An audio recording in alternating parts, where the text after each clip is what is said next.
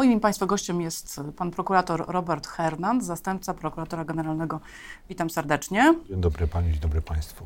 Panie prokuratorze, w zeszłym tygodniu na łamach Rzeczpospolitej z pełnym przekonaniem e, mówił pan, że mm, prokuratorem krajowym jest pan Dariusz Barski. Czy piątkowe orzeczenie Sądu Okręgowego w Szczecinie nieco zburzyło pana, e, pana wiarę w, to, w tę tezę? Wyjaśnię czytelnikom i widzom. E, Sąd Okręgowy w Szczecinie umorzył postępowanie, uznając postępowanie karne, uznając, że akt oskarżenia został wniesiony, mówiąc w dużym uproszczeniu, przez e, prokuratorskiego emeryta. Chodziło o panią prokurator Bogusławę Zapaśnik, która wróciła do czynnej służby na tych samych zasadach, co Dariusz Barski. Nie, nie wzburzyło to absolutnie m, moje opinie w tym względzie. Ja tylko chciałem podkreślić, że w pierwszych wywiadach i pierwszych informacjach, którą przekazywaliśmy mediom, ja i pan prokurator Michał Ostrowski, e, stwierdziliśmy, że takie niebezpieczeństwo może zachodzić. Podważania postępowań, tak? Tak, dokładnie tak. Dokładnie określaliśmy, jaki jest zakres przedmiotowy tego niebezpieczeństwa, jak może to burzyć poczucie bezpieczeństwa obywateli poprzez właśnie umarzanie postępowań, poprzez uchylanie tymczasowych aresztowań, nieuznania, nieuznawania dowodów e, zgromadzonych w wyniku kontroli operacyjnej, bo przypominam, że od dnia 14 grudnia ubiegłego roku osobom uprawniono do stosowania kontroli, czy wyrażenia zgody na, na wystąpienie do sądu stosowanie kontroli operacyjnej jest pan prokurator krajowy Dariusz Barski. Więc ostrzegaliśmy, że może taki chaos nastąpić. Ja też nie wykluczam takiej możliwości, że za jakiś czas pojawi się orzeczenie wskazujące na to, że osoba, która, przynajmniej tak twierdzi, pełni obowiązki prokuratora krajowego, taką decyzję podejmie, to też będzie sąd kwestionował uprawnienie pro- pełniącego obowiązki prokuratora krajowego, czyli takiej funkcji, której nie ma w ustawie o prokuraturze, do przedłużenia śledztw, do e, podejmowania decyzji o delegacji prokuratorów, e, wnioskowania do prokuratora generalnego o powołanie na wyższe stanowiska prokuratorskie, czy też decyzje osobowe i finansowe. Absolutnie nie zburzyło to, że tak powiem, mojej opinii w tym względzie. Ja tylko przypominam, że Trybunał Konstytucyjny w tym względzie wydał zabezpieczenie, a Trybunał Konstytucyjny także w innej sprawie wszczął e, spór kompetencyjny, tak? Czyli tutaj mamy do czynienia z taką sytuacją, w której Trybunał uznał, że takie zabezpieczenie jest właściwe w przypadku skargi konstytucyjnej pana prokuratora Dariusza Barskiego oraz został wszczęty spór, który zawiesza postępowanie przed wszystkimi podmiotami będącymi w sporze, więc to jest jakiś judykat, który się oczywiście pojawił. Ja mam taką nadzieję, że e, właściwy prokurator w prokuraturze regionalnej w Szczecinie także dokona oceny tego orzeczenia, przez, e, którą podjął Sąd Okręgowy. Czy spodziewa się pan, że może... E, I mam nadzieję, że będzie to zaskarżone. No, bardzo przepraszam, no ale w moim przekonaniu pani prokurator Zapaśnik miała prawo podpisać oskarżenia w tej sprawie. Co jest ważne jeszcze, że pa- patrząc na rozporządzenie Ministra Sprawiedliwości w zakresie urzędowania powszechnych jednostek organizacyjnych prokuratury, to akt oskarżenia wnosi właściwy prokurator regionalny, okręgowy czy rejonowy. Ja niejednokrotnie podpisywałem kasację, w której kwestionowałem na przykład uprawnienie asesora do wnoszenia apelacji od wyroku sądu w sytuacji, kiedy ten asesor nie był osobą oskarżającą przed sądem. E, I Sąd Najwyższy jednoznacznie powiedział, że właściwym jest właściwy prokurator okręgowy, rejonowy czy, czy regionalny, czyli akt oskarżenia został skierowany przez podmiot uprawniony w tym zakresie. E, Ja nie rozumiem do tej decyzji sądu, aczkolwiek ostrzegaliśmy, że takie niebezpieczeństwo może, może zaistnieć w tym zakresie. A w ilu przypadkach y, może dojść do takich, y, do takich sytuacji? Bo po, po orzeczeniu pojawiły się skrajne komentarze. Po orzeczeniu Szczecińskiego Sądu y, niektórzy prokuratorzy mówili, no, że właśnie to jest potwierdzenie obaw, że grozi nam chaos i spiętrzenie tego typu problemów, ale niektórzy mówili, że takich przypadków było tylko, były tylko dwa, czyli właśnie panie prokurator Zapaśnik, pani, pana prokuratora Barskiego, który nie podejmował czynności procesowych, więc zagrożeń do, dla postępowań karnych nie ma zbyt. Zagrożenia są bardzo poważne w moim przekonaniu. No, pamiętajmy o tym, że pan prokurator krajowy, y, obecny prokurator krajowy, pan Dariusz Barski, zaznaczam, e, podejmował szereg decyzji. No, przepraszam, bardzo przepraszam, ale skierował wniosek o powołania pana Jacka Bilewicza na stanowisko prokuratora prokuratury e, Krajowej. Więc jeżeli opinie w tym zakresie, który dysponował pan minister sprawiedliwości, prokurator generalny, w jednym przypadku noszą datę 5 stycznia, w drugim 7 stycznia, chyba trzecia opinia, nie pamiętam czy jest data w tym zakresie.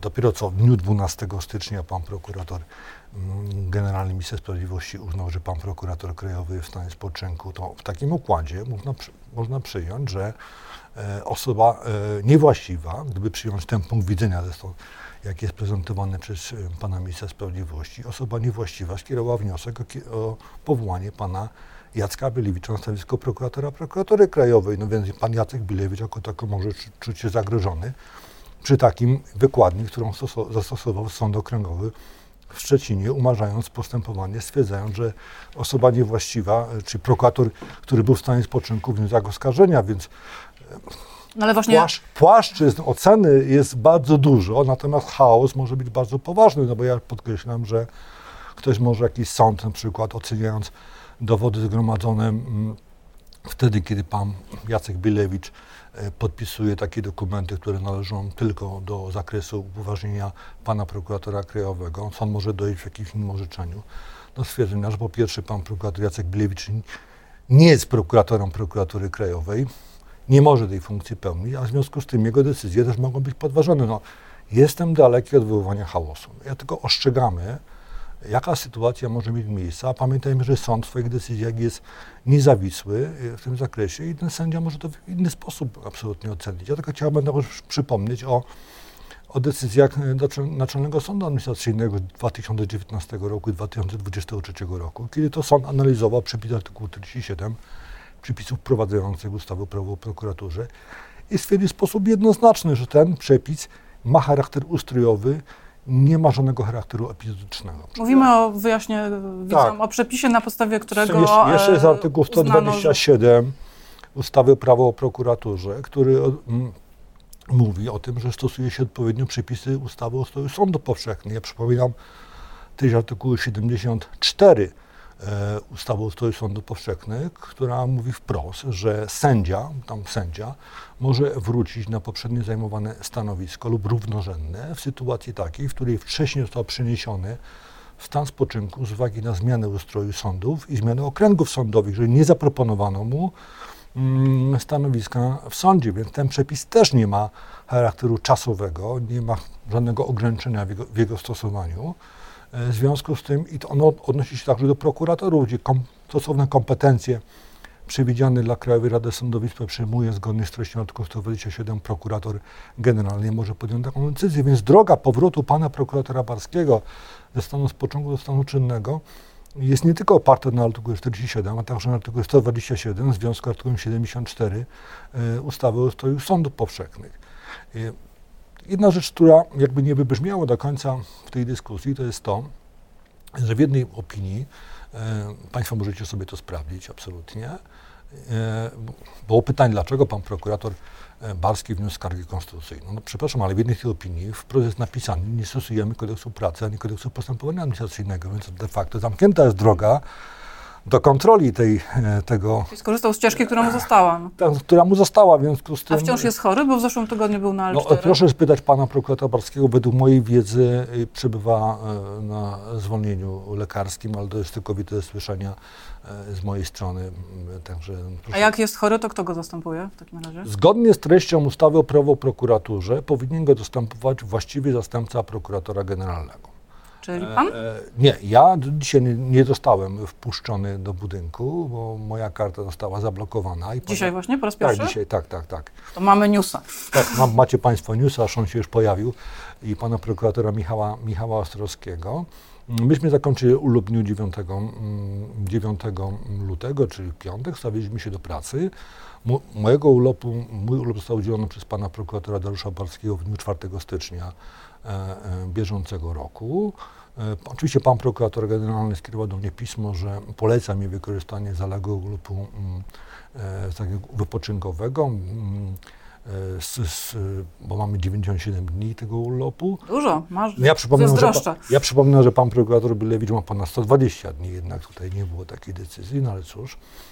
Mm, my uznajemy, że tu decyzja y, o urlopie wypoczynkowym należy do pana prokuratora krajowego. Zresztą załączyłem stosowną opinię panu prokuratorowi generalnemu w tym zakresie, wydaną w tym względzie i stosownym pismem przekazałem w tym zakresie informacje.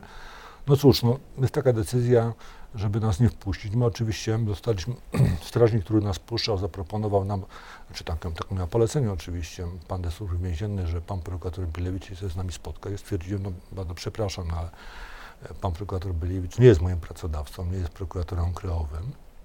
E, e, nie ma takiej funkcji jak pełni obowiązków prokuratora krajowego, więc odmówiliśmy tego spotkania, bo to, to spotkanie nie miało najmniejszego sensu. Sprawdziliśmy z prokuratorem Ostrowskim, że karty są zablokowane i opuściliśmy budynek. Nie mamy wyjścia do swoich, mm, do swoich, do swoich I pokoi. co dalej? Nie możemy. No, zobaczymy, co będzie dalej. No, myślę, że my pozostajemy absolutnie w gotowości do pracy, o czym poinformujemy pana prokuratora generalnego Ministra Sprawiedliwości. A jaka decyzja będzie, no zobaczymy. W piątek y, pan minister Adam Bodnar y, ogłosił decyzję o y, uruchomieniu konkursu na nowego prokuratora krajowego. tak, tak, tak. Uważa pan, że to dobry pomysł, dobra ścieżka? No ba- bardzo przepraszam, ale ustawa o prawo o prokuraturze nie przewiduje konkursu, to po pierwsze. Organem wnioskującym o powołanie prokuratora krajowego, no w tym przypadku nie ma takiej potrzeby, bo prokurator krajowy jest w związku z tym, a dwóch prokuratorów krajowych nie może być. e, Absolutnie nie ma takiej, takiej możliwości. Jest prokurator generalny. Ja czytałem to zarządzenie, które zostało chyba e, z dnia 9 Lutego. lutego. Tak, do tego jest e, załącznik w postaci regulaminu pracy tego zespołu. No, bardzo przepraszam, no, jeżeli, mm, jeżeli wyznaczającym osobę tego zespołu jest w każdym przypadku, oprócz może jednego przypadku, pan prokurator y, generalny minister sprawiedliwości, oprócz wyznaczenia przez, y, mm, przez y, mm, y, szefów y, tak powiem, Samorządów zawodowych. prawniczych. samorządów To, zawodowych. o to się chciałam zapytać, bo to, to, To- to, to- mnie to- zafrapowało. tak. E, bo To, to, to, no, Wyjaśnijmy widzom, którzy może tak nie śledzą wszystkich wydarzeń Tak. dotyczących prokuratury, że zgodnie z zarządzeniem Adama Bodnara e, kandydatów chętnych do objęcia stanowiska oceni dziewięcioosobowy zespół, w którym między innymi będą zasiadać po jednym przedstawicielu Naczelnej Rady Adwokackiej i Krajowej Izby Radców Prawnych. Czyli tak jakby e, przeciwnicy procesowi będą w tej- prokuratora. tej- Takie nie zarzuty się pojawiły. No, nie, ja bym może nie w tych kategoriach, ale pamiętajmy, że konkursy, które odbywały się na stanowisko prokuratora generalnego, były określone ustawowo, tak? One, one odbyły się mm, dwukrotnie, bo jedny w 2010 roku, tak? Drugi odbył się w 2015 roku. I tu była stosowna podstawa ustawowa, która wskazywała, jak konkursy mają przebiegać. W pierwszym przypadku była to Krajowa Rada Sądownictwa, w 2015 roku e, Krajowa Rada e, e, Sądownictwa i Krajowa Rada Prokuratury, która podówczas istniała, tak, takie ciało. Ale jak się czytam, czytałem ten regulamin, to na końcu tak naprawdę jest klub programu, bo e, kandydata wskazuje mm, mm, panu prokuratorowi generalnemu Sprawiedliwości ten zespół, ale pamiętajmy, że pan prokurator generalny Ministra Sprawiedliwości jest cały czas organem wnioskującym, więc tam nie ma czegoś takiego, że zespół wskazuje kandydata, po czym minister sprawiedliwości, prokurator generalny jest związany, e, e, że tak powiem, tym kandydatem. Ale to znaczy, że może kogoś spoza konkursu w ogóle, czy... Nie, no po prostu jest dalej organem wnioskującym. No jeżeli na przykład, załóżmy hipotetycznie, zespół wy, wybierze kogoś, kto nie odpowiada panu prokuratorowi generalnemu, to on wcale nie musi występować o powołanie. Absolutnie, dalej organem wnioskującym, więc to jest pewien rodzaj, ja bym nazwał to fasadowości tego, tego rozwiązania, bo ma jakby pokazać społeczeństwu, że tu jest taki bardzo de, demokratyczny mm, wybór przez odpowiednie ciało i wtedy, i wtedy ten prokurator krajowy będzie taki właściwie takim ala prokuratorem generalnym, mm, który mm, wygrał konkurs, tak jak w 2010 roku mm, i jakby w tym zakresie y, będzie miał taką legitymację pełniejszą w tym zakresie, bym powiedział, jakimś takim wyborze, czy tak powiem, przez suwerena, ale to nie o to chodzi. Organem wskazującym członków jest minister Sprawiedliwości, praktycznie oprócz tego przypadku samorządów zawodowych, o którym, o którym właśnie mówimy, ale dalej zgodnie z ustawą o prokuraturze, zgodnie z artykułem 14, to prokurator generalny jest organem wnioskującym, bo tej ustawy po prostu nie zmieniono, więc tu się nie zmienia kompletnie nic, szczerze powiedziawszy. No może chodzi o to, żeby po prostu prokuratorowi nie umknęły jakieś świetne kandydatury, o których może by nie pomyślał. No ja się, ja mo, możemy się spotkać, panie redaktor, podejrzewam, że te kandydatury są już dokładnie określone, kto będzie tam kandydował. No już znamy parę nazwisk. Tak. E, Dariusz Korneluk, No. e, Ewa Wrzosek i chyba również szefowa Lex Super Omnia Katarzyna Kwiatkowska. No to mamy, odpo- mamy odpowiedź A pan nie, nie, nie zamierza? Nie, nie, jeżeli ja uważam, że prokurator krajowy Dariusz Barski pełni swoją funkcję, no trudno, żebym startował w konkursie, w którym starałbym się o to stanowisko w sytuacji, w której tak naprawdę nie mógłbym go w żaden sposób objąć, dlatego że prokuratorem krajowym jest Dariusz prostu. A może Dariusz Barski powinien wystartować?